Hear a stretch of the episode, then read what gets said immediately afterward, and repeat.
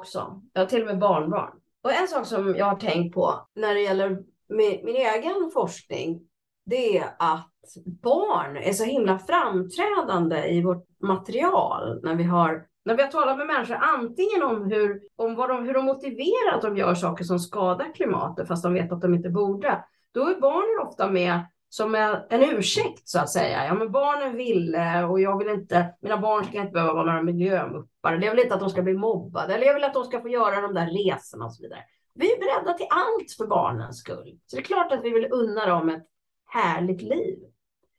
Men sen också i våra undersökningar av människor som har ställt om för klimatets skull, ja men då är barnen otroligt framträdande. Man vill kunna se sina barn i ögonen. Eh, man vill eh, ge dem ett gott liv. Och det är ofta barn som har varit impuls, gett impulsen för omställning. Barn som har kommit hem med ny kunskap eller som har sagt att jag vill inte följa med på den där resan eller ställt krav. Liksom. Eller barn som har fötts och som blev plötsligt liksom framtiden meningsfull på något sätt. Ja, alltså för klimatrörelsen som helhet har det ju varit enormt med de här barnen som har demonstrerat Fridays for Future mm. och Greta Thunberg. Det har ju mm. ruskat om och fått väldigt många människor att bry sig. Det är få människor som kan vara otrevliga mot barn. En del kan, men väldigt få. Ja, det har ju visat sig faktiskt. Ja, och dagens gäst eh, har verkligen tagit samman det här med klimat och föräldraskap. Eh, hon kommer från Rebellmammorna, Sara Nilsson Löv. Hej! Hej! Tack för att jag får vara här med er. Hej Sara, jätteroligt. Kan du berätta vem du är lite mer? Jag är mamma till två barn på sex och elva år. Och så är jag psykolog. Och så är jag någon som för ungefär fem år sedan tog till mig klimatkrisens allvar och brådska. Och det blev en livsavgörande eh, punkt i mitt liv. Mitt bidrag här kan ju inte bara vara, jag gör lite mindre skada genom att göra saker för att minska mina egna utsläpp. Utan det är ju mycket större saker än så som krävs. Som vad då?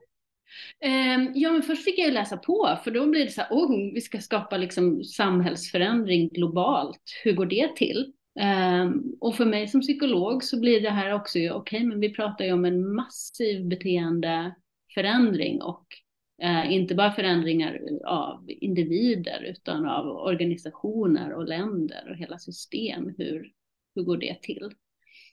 Så ganska snabbt gick det upp för mig att så här, mm, det här att jag är psykolog, det är ju faktiskt inte så dumt alls här. Ja, berätta. Vad tänker du att du eh, ser för att du är psykolog? Eller vad är det, innebär det för resurser för dig? Från början så det, det är inte självklart att man ser mer för att man är psykolog. För att länge hade jag ju inte sett, för att jag hade ju inte uppfattat hur liksom allvarlig krisen var. Liksom inte tagit. Jag trodde att ni som var psykologer var sådär mycket, mycket smartare än alla oss andra. Hanterar relationer mycket bättre, känslor mycket bättre, ja. planerar era liv. Ja. Det, är bara vår, det är vår självbild som du är inne på och beskriver där. Den är ju så. Mm. Ja. Och då ska vi inte tala om forskares självbild. Det gör vi inte nu. Precis. Nej, men jag kände att det fanns ju en grund där sen, liksom, när det här börjat landa. Dels kunna se att så här, okej, okay, får jag syn på ett nytt problem, då blir det logiskt för mig att så här, men då vänder jag mig och kollar, men vad finns det för forskning kring det här då? Hur, hur skapar man de individuella förändringar som behövs? Och hur skapar man de här större systemförändringarna som, som behövs? Och vad kom du fram till då? Eh, det går alldeles för långsamt om vi tänker att vi ska få alla individer att liksom utifrån egen drivkraft börja göra rätt. Mm. Plus att det är liksom otill, det är otillräckligt på så många olika sätt. Och vi människor är inte så bra på att hela tiden ta, alltså vi går till största delen på autopilot under våra dagar. Så att vi ska ta 10 000 hållbara beslut om dagen, det kommer inte hända. Så vad behöver vi göra då? Då, då behöver vi tänka ut så här, vilka strategiska beslut kan vi ta och hur kan vi gå, gå samman och fatta beslut som gör att alla inte hela tiden behöver ta beslut. Om vi tänker att, jag tänker att en jättestor lösning är ju att vi övergår från en, en kost med mycket kött till en växtbaserad kost. Det skulle ja. frigöra enorma landarealer mm. eh, där vi kan liksom binda koldioxid och återställa ekosystem och så vidare. Så det är en jättestor lösning. Mm. Eh, men det att komma dit genom att säga åt folk ät inte kött, det är dumt. Mm. Eh, det, ja, det har man ju försökt med ganska länge och folk vet ju det någonstans. Men så mm. känns det så futtigt med vad, vad ska lilla jag göra och alla de här mm. argumenten som du vet. Eh, plus att man står där i butiken och så är det kanske billigare med köttköttbullar mm. än vegoköttbullar. Mm. Och, ja, barnen har kanske redan fått smakpreferenser om man inte mm. har liksom... De älskar lever. ja. Um, så att det är ju det är ju svårt och det ställer ju liksom plus att man då mm. behöver fatta det här beslutet om och om, om, om, om igen. Men om vi tittar på, ja men tittar man på, jag tror det är IPCC, en av sina senaste rapporter som, som själva lyfter att ja, men jordbruksstödet är fortfarande inriktat på att stötta animalieproduktion. Och hur får vi EU att ställa om? Det här är den stora frågan. Yes, som jag ja. sitter på svaret på som ni ska få här idag. Ja. Eh, nej, eh, det, det är ju ingen som sitter på liksom det gyllene svaret på den frågan. Nej. Men vi har väl ändå haft en, en liten tanke där om att vi skickar ner våra svenska politiker med de svenska värderingarna så kommer ja, allt att bli jättebra. Det verkar ju ha totalhavererat nu. Ja, nu verkar det vara precis tvärtom. Ja.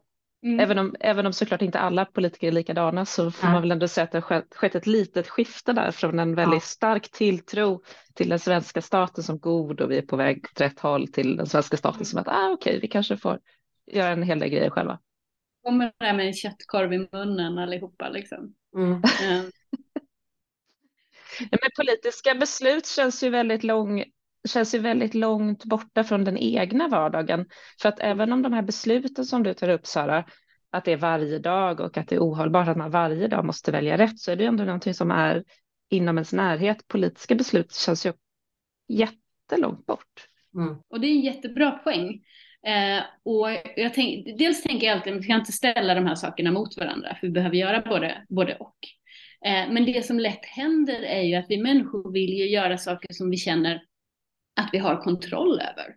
Mm. Eh, och där kan vi ändå på något sätt känna att vi, men om vi oftast endast misslyckas med, med även det här lilla i vår, vår vardag, eh, så kan vi ändå känna men att vad jag äter har jag rätt bra kontroll över. Mm. Vad EU beslutar över har jag inte bra kontroll Nej. över. Eh, och då kanske vi helst bara tittar på vår, eh, vår egen och lägger fokuset på vår egen livsstil. Mm. Och det där andra, det, liksom, det pallar vi inte ens att titta på och göra. Men man kan känna sig vanmäktig för man vet inte ens vilken ände man skulle börja. Yes! Mm. Eh, och där känner jag ju också att jag som, som psykolog kan gå igång på det. Ja. Eh, för då kan jag ju få syn på att så här, okej, okay, så de där större förändringarna som vi också, vi måste göra dem. Mm. Vi måste få till eh, politiska beslut som leder till mm. systemförändring. Men vad händer då med oss när jag som individ liksom tittar på det?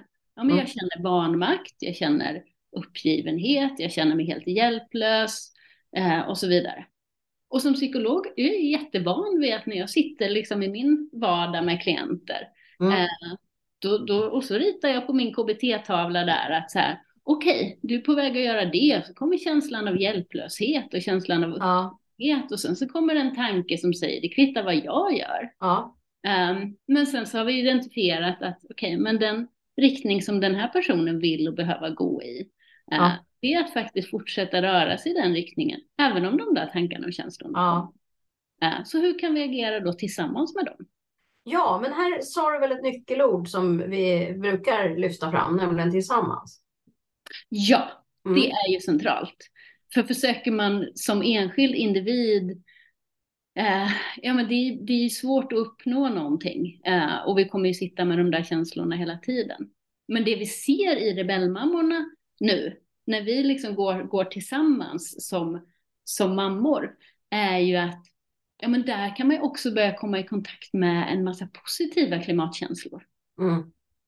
Eh, där känner ju folk, dels känner man gemenskap och, och, glädje och stolthet för att man agerar, men att man också kan känna, eh, men faktiskt känna en, en, känsla av liksom, ja men av makt eller potential till makt i alla fall. Eh, och man kan känna, känna handlingskraft. Och man är i en grupp där man ser andra agera och andra vara helt jädra beslutsamma att Mm. Jag ska göra allt jag kan, jag ska göra det krävs, som mm. krävs. Jag vägrar titta bort från, från det som är svårt. En, en, mekanism måste ju också vara att man liksom drar varann när man får sådana här anfall av hopplöshet som ju är någon mening oundvikliga kanske. Ja men precis. Så kan man liksom att man, man också har ett sammanhang att få, få tala om det eh, ja. med någon som förstår, som inte vill liksom vifta bort det och säga att äh, men ja. det ordnar sig. Utan som säger så här, ja men där hamnar jag också ibland. Mm. Och kanske då brukar jag tänka så här. Eller bara, ja ja, men det är naturligt att man är där ibland. Själv mm. så är jag just nu i det här och mm. håller på med det här. Så men vad vi... gör ni då, rebellmammorna?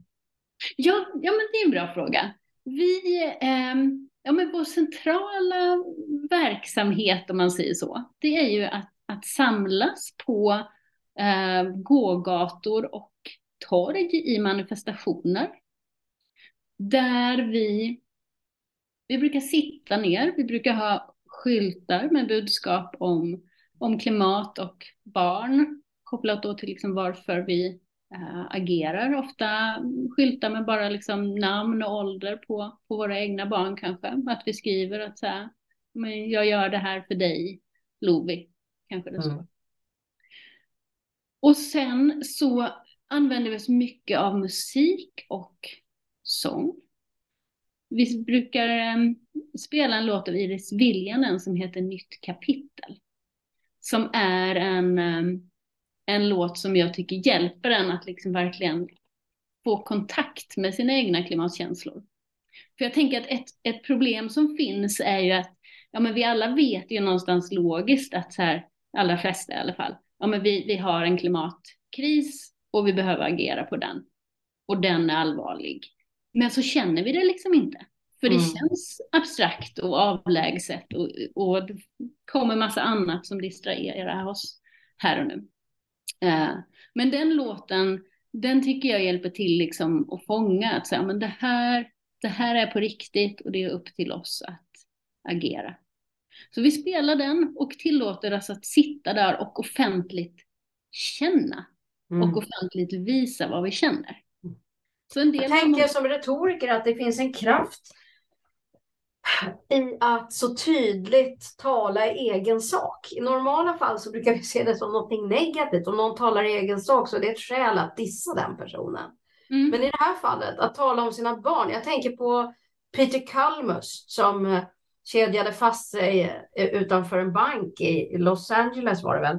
Mm. Um, Peter Kalmus är klimatforskare på NASA, en väldigt prominent klimatforskare. Han och kollegor kedjade fast sig. Det var alldeles efter IPCC-rapporten i april. Jag, kanske har vi pratat om det här tidigare i, i podden.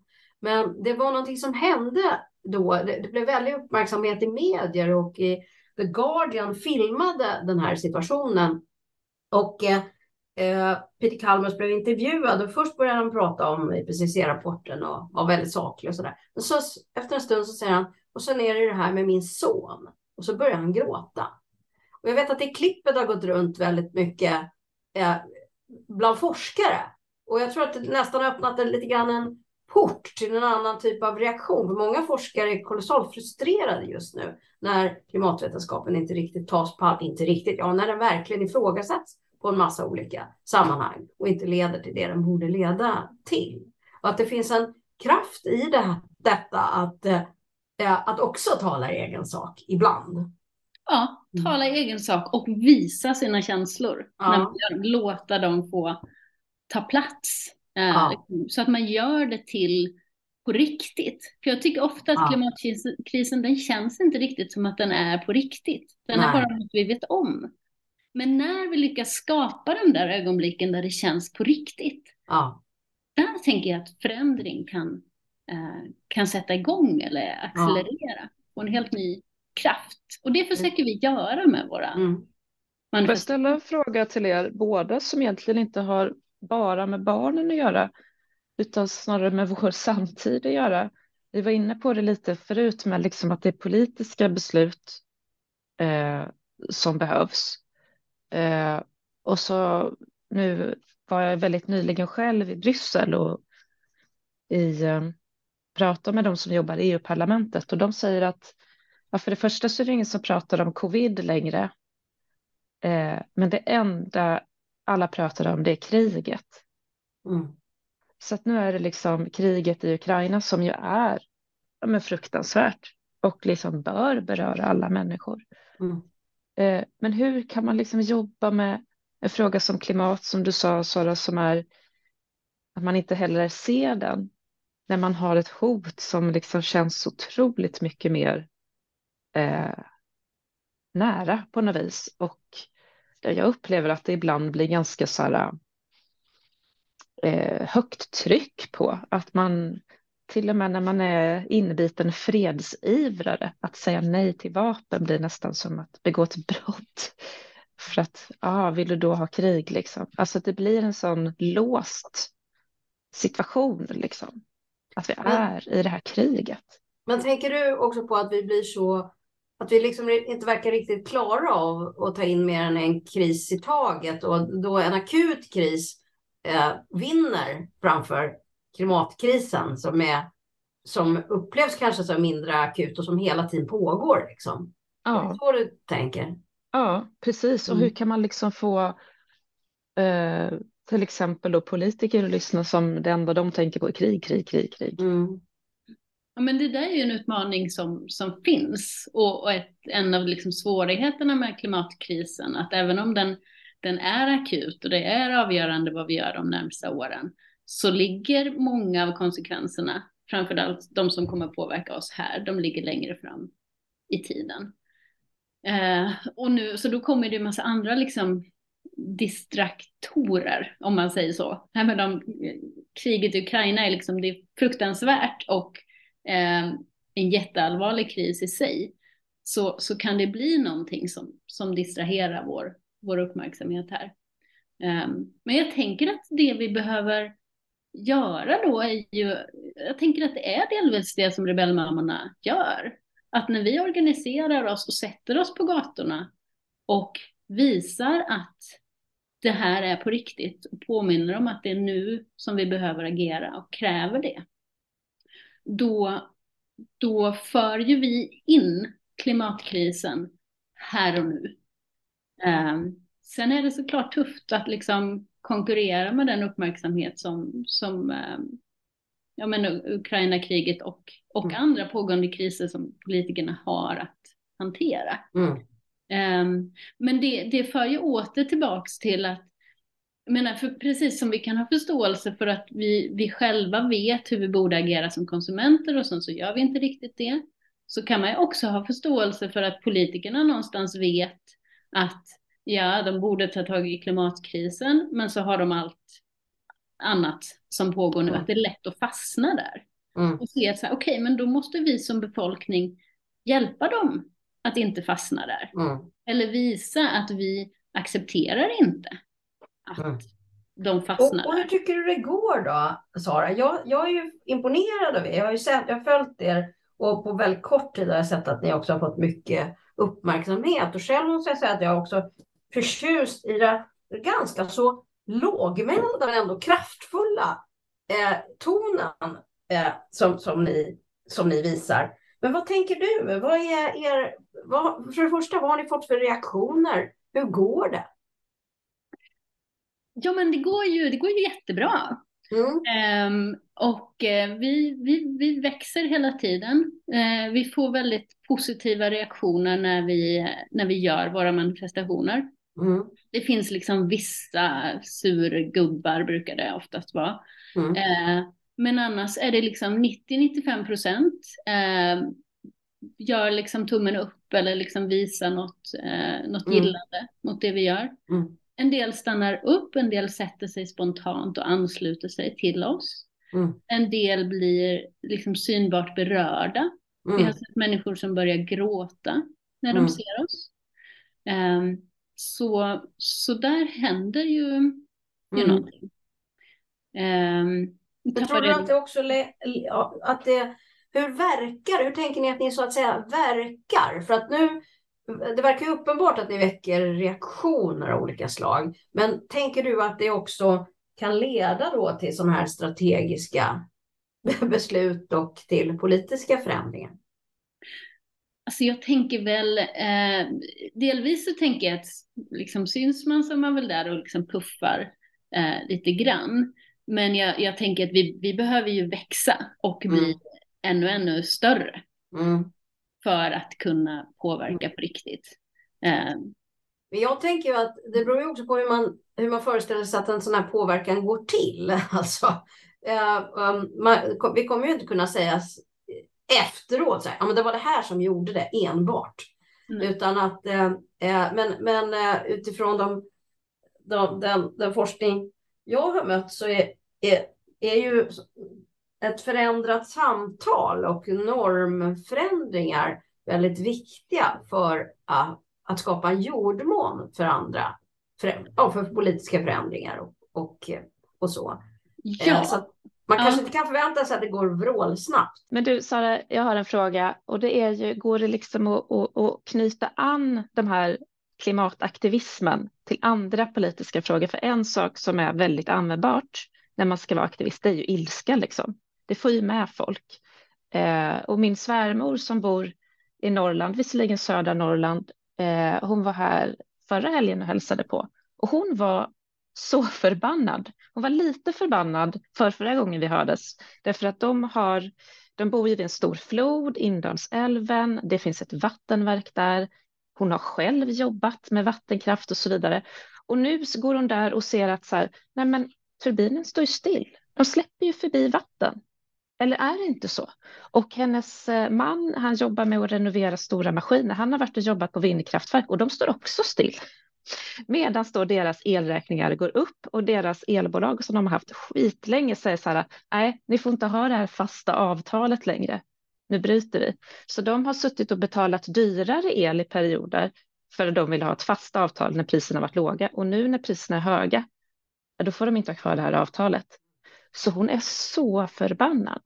Och jag tänker ju, liksom ur klimatsynpunkt, så blir de här energipriserna egentligen skitintressanta.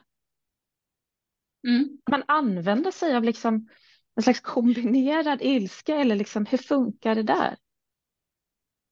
Ja, men det, det tänker jag. Alltså dels så tänker jag att så här, vi, det här är ju liksom delar, vi är inne på att prata om hur energisystemet fungerar och det, det är såklart en del av klimatproblematiken.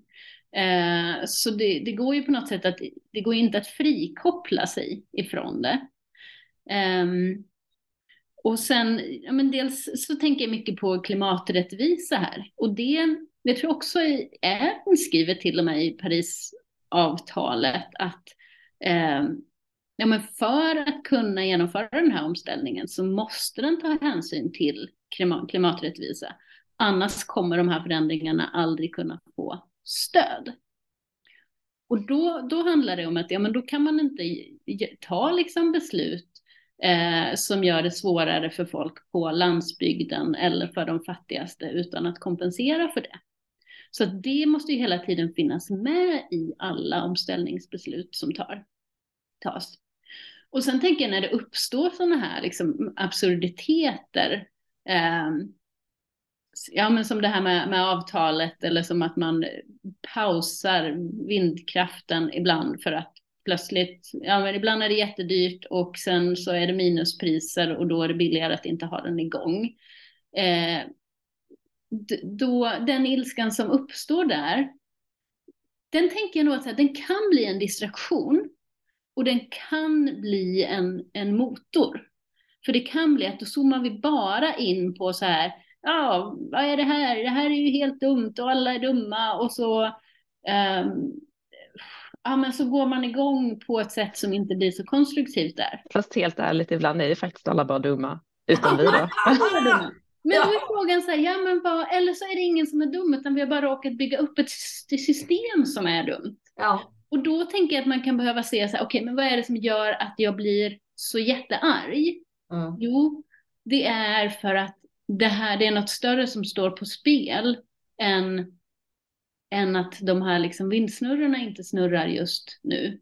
Eh, det är ju för att jag vet att det är ju kopplat till mina barns framtid. Det är kopplat till att människor svälter ihjäl och föräldrar på Afrikas horn inte kan ge sina barn mat och kommer ha väldigt svårt att göra det fram, framöver för, på grund av klimatrelaterade katastrofer. Det är därför jag känner så mycket ilska. Och då är frågan så här, men ska jag så här driva specifikt eh, det jag tror är en lösning kring, eh, kring energisystemet här i Sverige?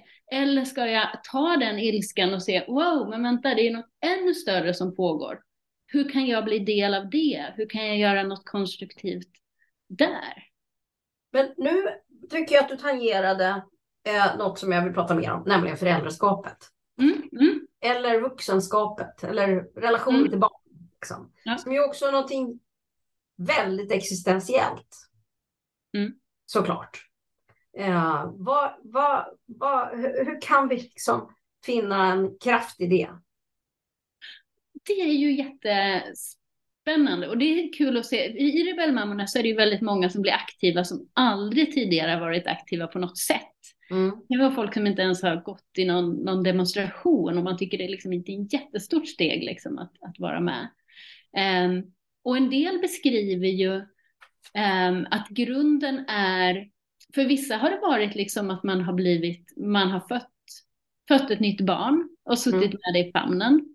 Och på något sätt där så har någon insikt gått in i att så här, det här barnets framtid är inte, inte säkert. Mm. Um, eller liksom på något sätt någon annan lite så uppvaknande ögonblick i relation. Och där, där det har blivit som någon slags livsval för en del. Att så här, men antingen ja, det var någon som beskrev när hon var gravid att hon kände liksom att ja, men antingen så ger jag så ger jag liksom upp för att det här känns för svårt med klimatkrisen och då föder jag inte det här barnet. Eller så väljer jag att föda det barnet och då gör jag allting som jag kan. Och där har vi ju en enorm liksom, drivkraft eh, och också något som kan hjälpa en igenom de här stunderna av, av uppgivenhet och så vidare man har på något sätt så här ja. lovat sig själv och sitt barn att jag kommer göra allt jag kan för att säkra en trygg framtid. Jag för... tänker att, föräldrar, att det kan vara en sorts urkraft som vi kan komma i kontakt med. Jag funderar ja. när du säger så där på om inte det är det, liksom det enda och vi, så här, vi är så himla beroende av att ingå i gruppen och vi vill som du sa förut inte vara uh, o, alltså, obekväma eller, um, eller uh, vad, vad, sa du för ord? Eh, förstöra stämningen. Mm. Ja, ja, precis. Mm. Och det är vi väldigt, liksom, vi är väldigt anpassliga på det viset. Och det har tjänat oss väl att vi, mm. att vi är sociala djur. Liksom. Mm. Eh, och, och det där är, är, är, det, det kräver hemskt mycket för att vi ska kunna tänka oss att ta risken att bli liksom socialt omöjliga. Men om det är någonting som kanske faktiskt kan få oss att göra det, gå över berg, simma mm. över floder, så är det ju liksom kärleken. Och ja. det är kärleken kanske till barnen som vi också känner ett sånt ansvar för. Ja. Kanske är det det enda som kan få oss att vara beredda att liksom uppoffra den här goda stämningen som ändå är så himla viktig för oss. Ja, och jag som är i det liksom och ser det här liksom förlösas, den här urkraften ja. I mammor som kanske tidigare liksom inte har varit eh, aktiva mer än i, i, i livsstilen. Ja. Eh, det är ju fantastiskt att se. Ja. Eh, och se att så här, ja, en, en drivkraft är ju liksom rädsla. Men en, en, den stora drivkraften är ju ja, men just kärlek och omsorg. Ja. Om, eh, ja, men kanske, och där man får, vi kanske önskar så här att vi skulle kunna få samma styrkedrivkraft när vi tänker på hur människor i, i andra delar av världen drabbas. Och, och, och, vissa kanske får det också. Men så kanske det är så att nej för, för de flesta så får vi inte kontakt med den urkraften förrän vi liksom inser att så här, okej, okay, men det är också mina barns liv som står mm. på spel. Och jag tänker också en, en sak som, som vi ja, men betonar i Rebellmamman, och jag tänker du var inne på in, i början, i inledningen här, om att, ja, men att, att barnen har haft så stor eh, mm. betydelse mm. i att få många av oss vuxna att liksom ta till oss allvaret och se att men nu, nu är det dags att börja agera. Men mm. där vi rebellmammorna känner att så här, men vi kan ju inte, vi kan ju verkligen inte dumpa den här krisen på våra barn. Mm. Att vi som vuxna på något sätt tittar bort och tycker nej men, nej men det känns för svårt och jag känner mig uppgiven och maktlös. Och så låter vi barnen göra det istället. Mm. Dels har de ju liksom... Jo men Sara, det är värt mycket att få behålla den goda stämningen. Jag vet, jag mm. vet. Mm. Slippa tänka på det själv. Mm. mm. Det så roliga med barn är ju liksom- att barn själva har ju ingenting emot att åka tåg ett och ett halvt dygn istället för att flyga två timmar till liksom en stad i Europa. Så barnen själva är ju jätteformbara. Om man vänder på det, är en chans att göra någonting. För barn bara, jag ska åka tåg. I alla mm. fall min sjuåring. Men samtidigt så måste jag säga att det är också, det ser runt omkring mig, massa föräldrar som tycker att det är svårt att säga nej till barn som vill konsumera jättemycket och som vill, göra, som vill ha en sån där eh, elmoppe och så vidare. Mm. Så, att, så att det jag... finns ju det också. Liksom. Ja, jag tror båda sidorna finns. Och i båda fallen så kanske man kan behöva andra föräldrar som man kan liksom göra gemensam sak med. Precis. Det är jättebra.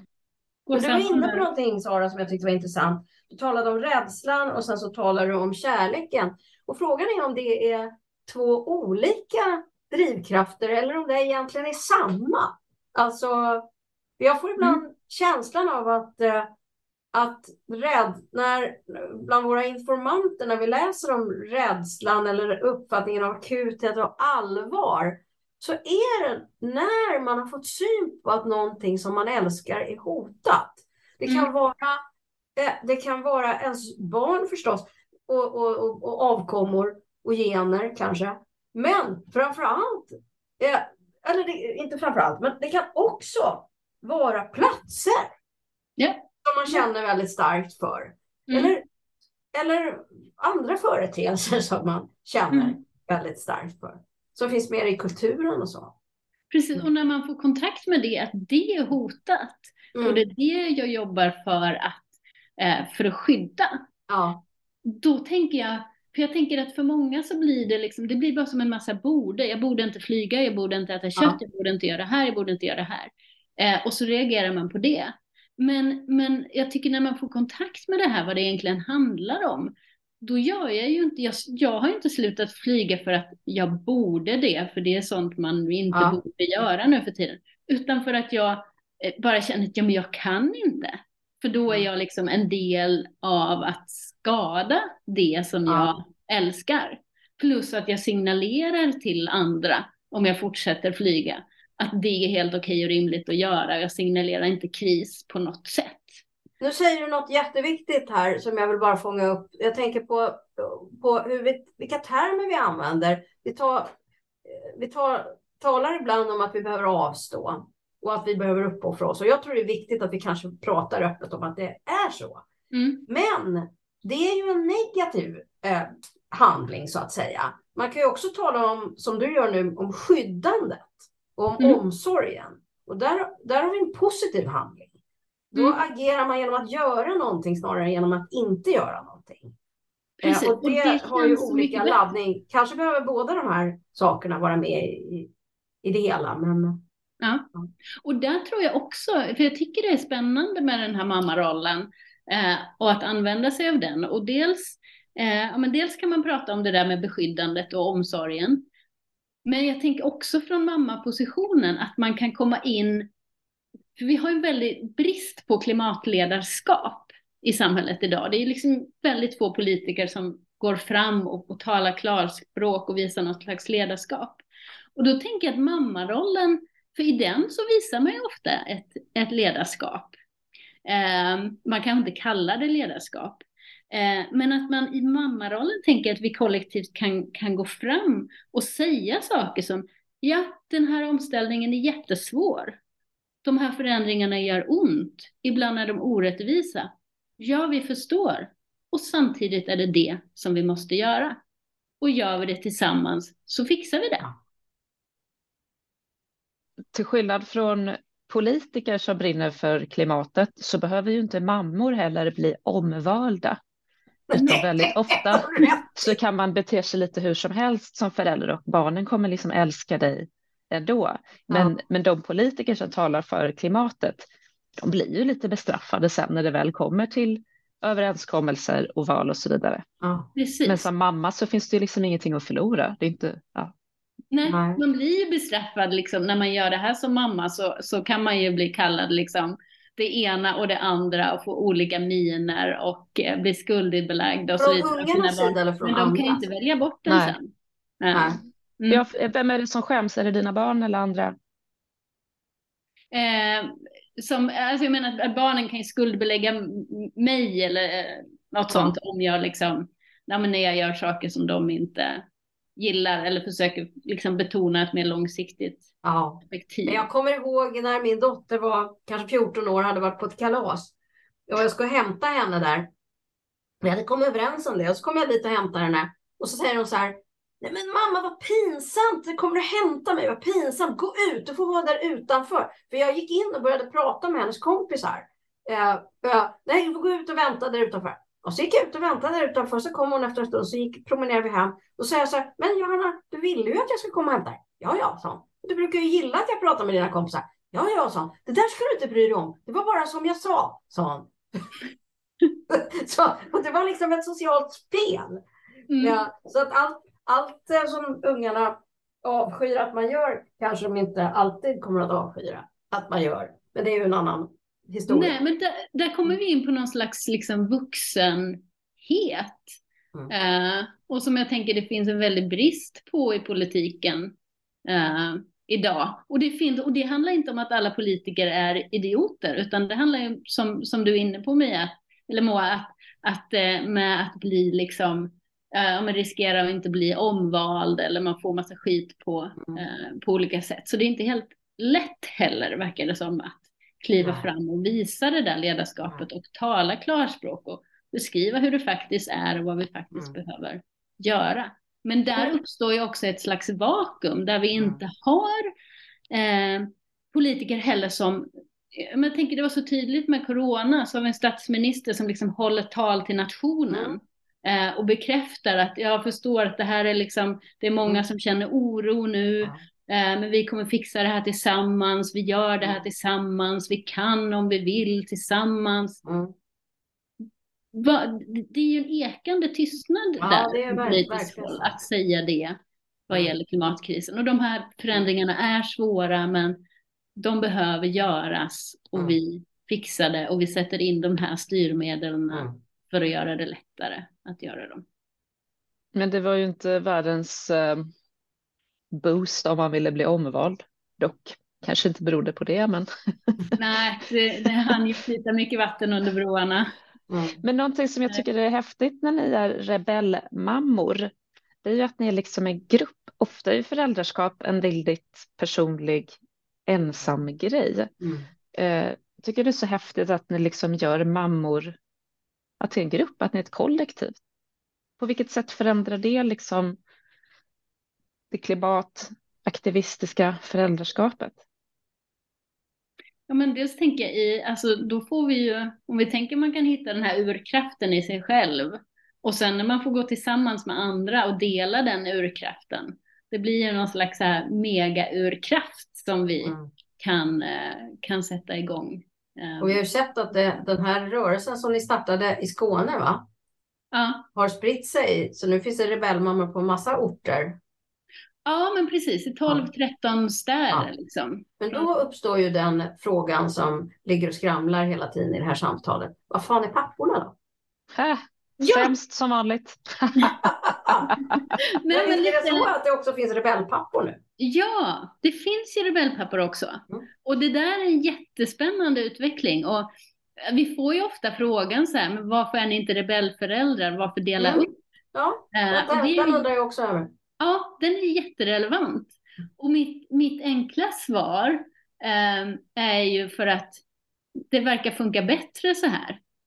Eh, och jag tänker för mamma, att använda mammarollen från början har ju varit ett sätt också att liksom sänka trösklarna. För så fort någon liksom blir stämplad som klimataktivist så börjar folk, det uppstår lätt ett väldigt så här vi och dem och jag är inte en sån som bla bla bla. Mm. Eh, men när man agerar som mamma så är det väldigt lätt att mm. identifiera sig med det. Mm. Och där verkar det vara så, även om det här egentligen handlar om föräldraskap och vi skulle kunna göra det här tillsammans, så verkar det på något sätt kännas ännu närmre mm. när man använder mamma respektive pappa. Mm.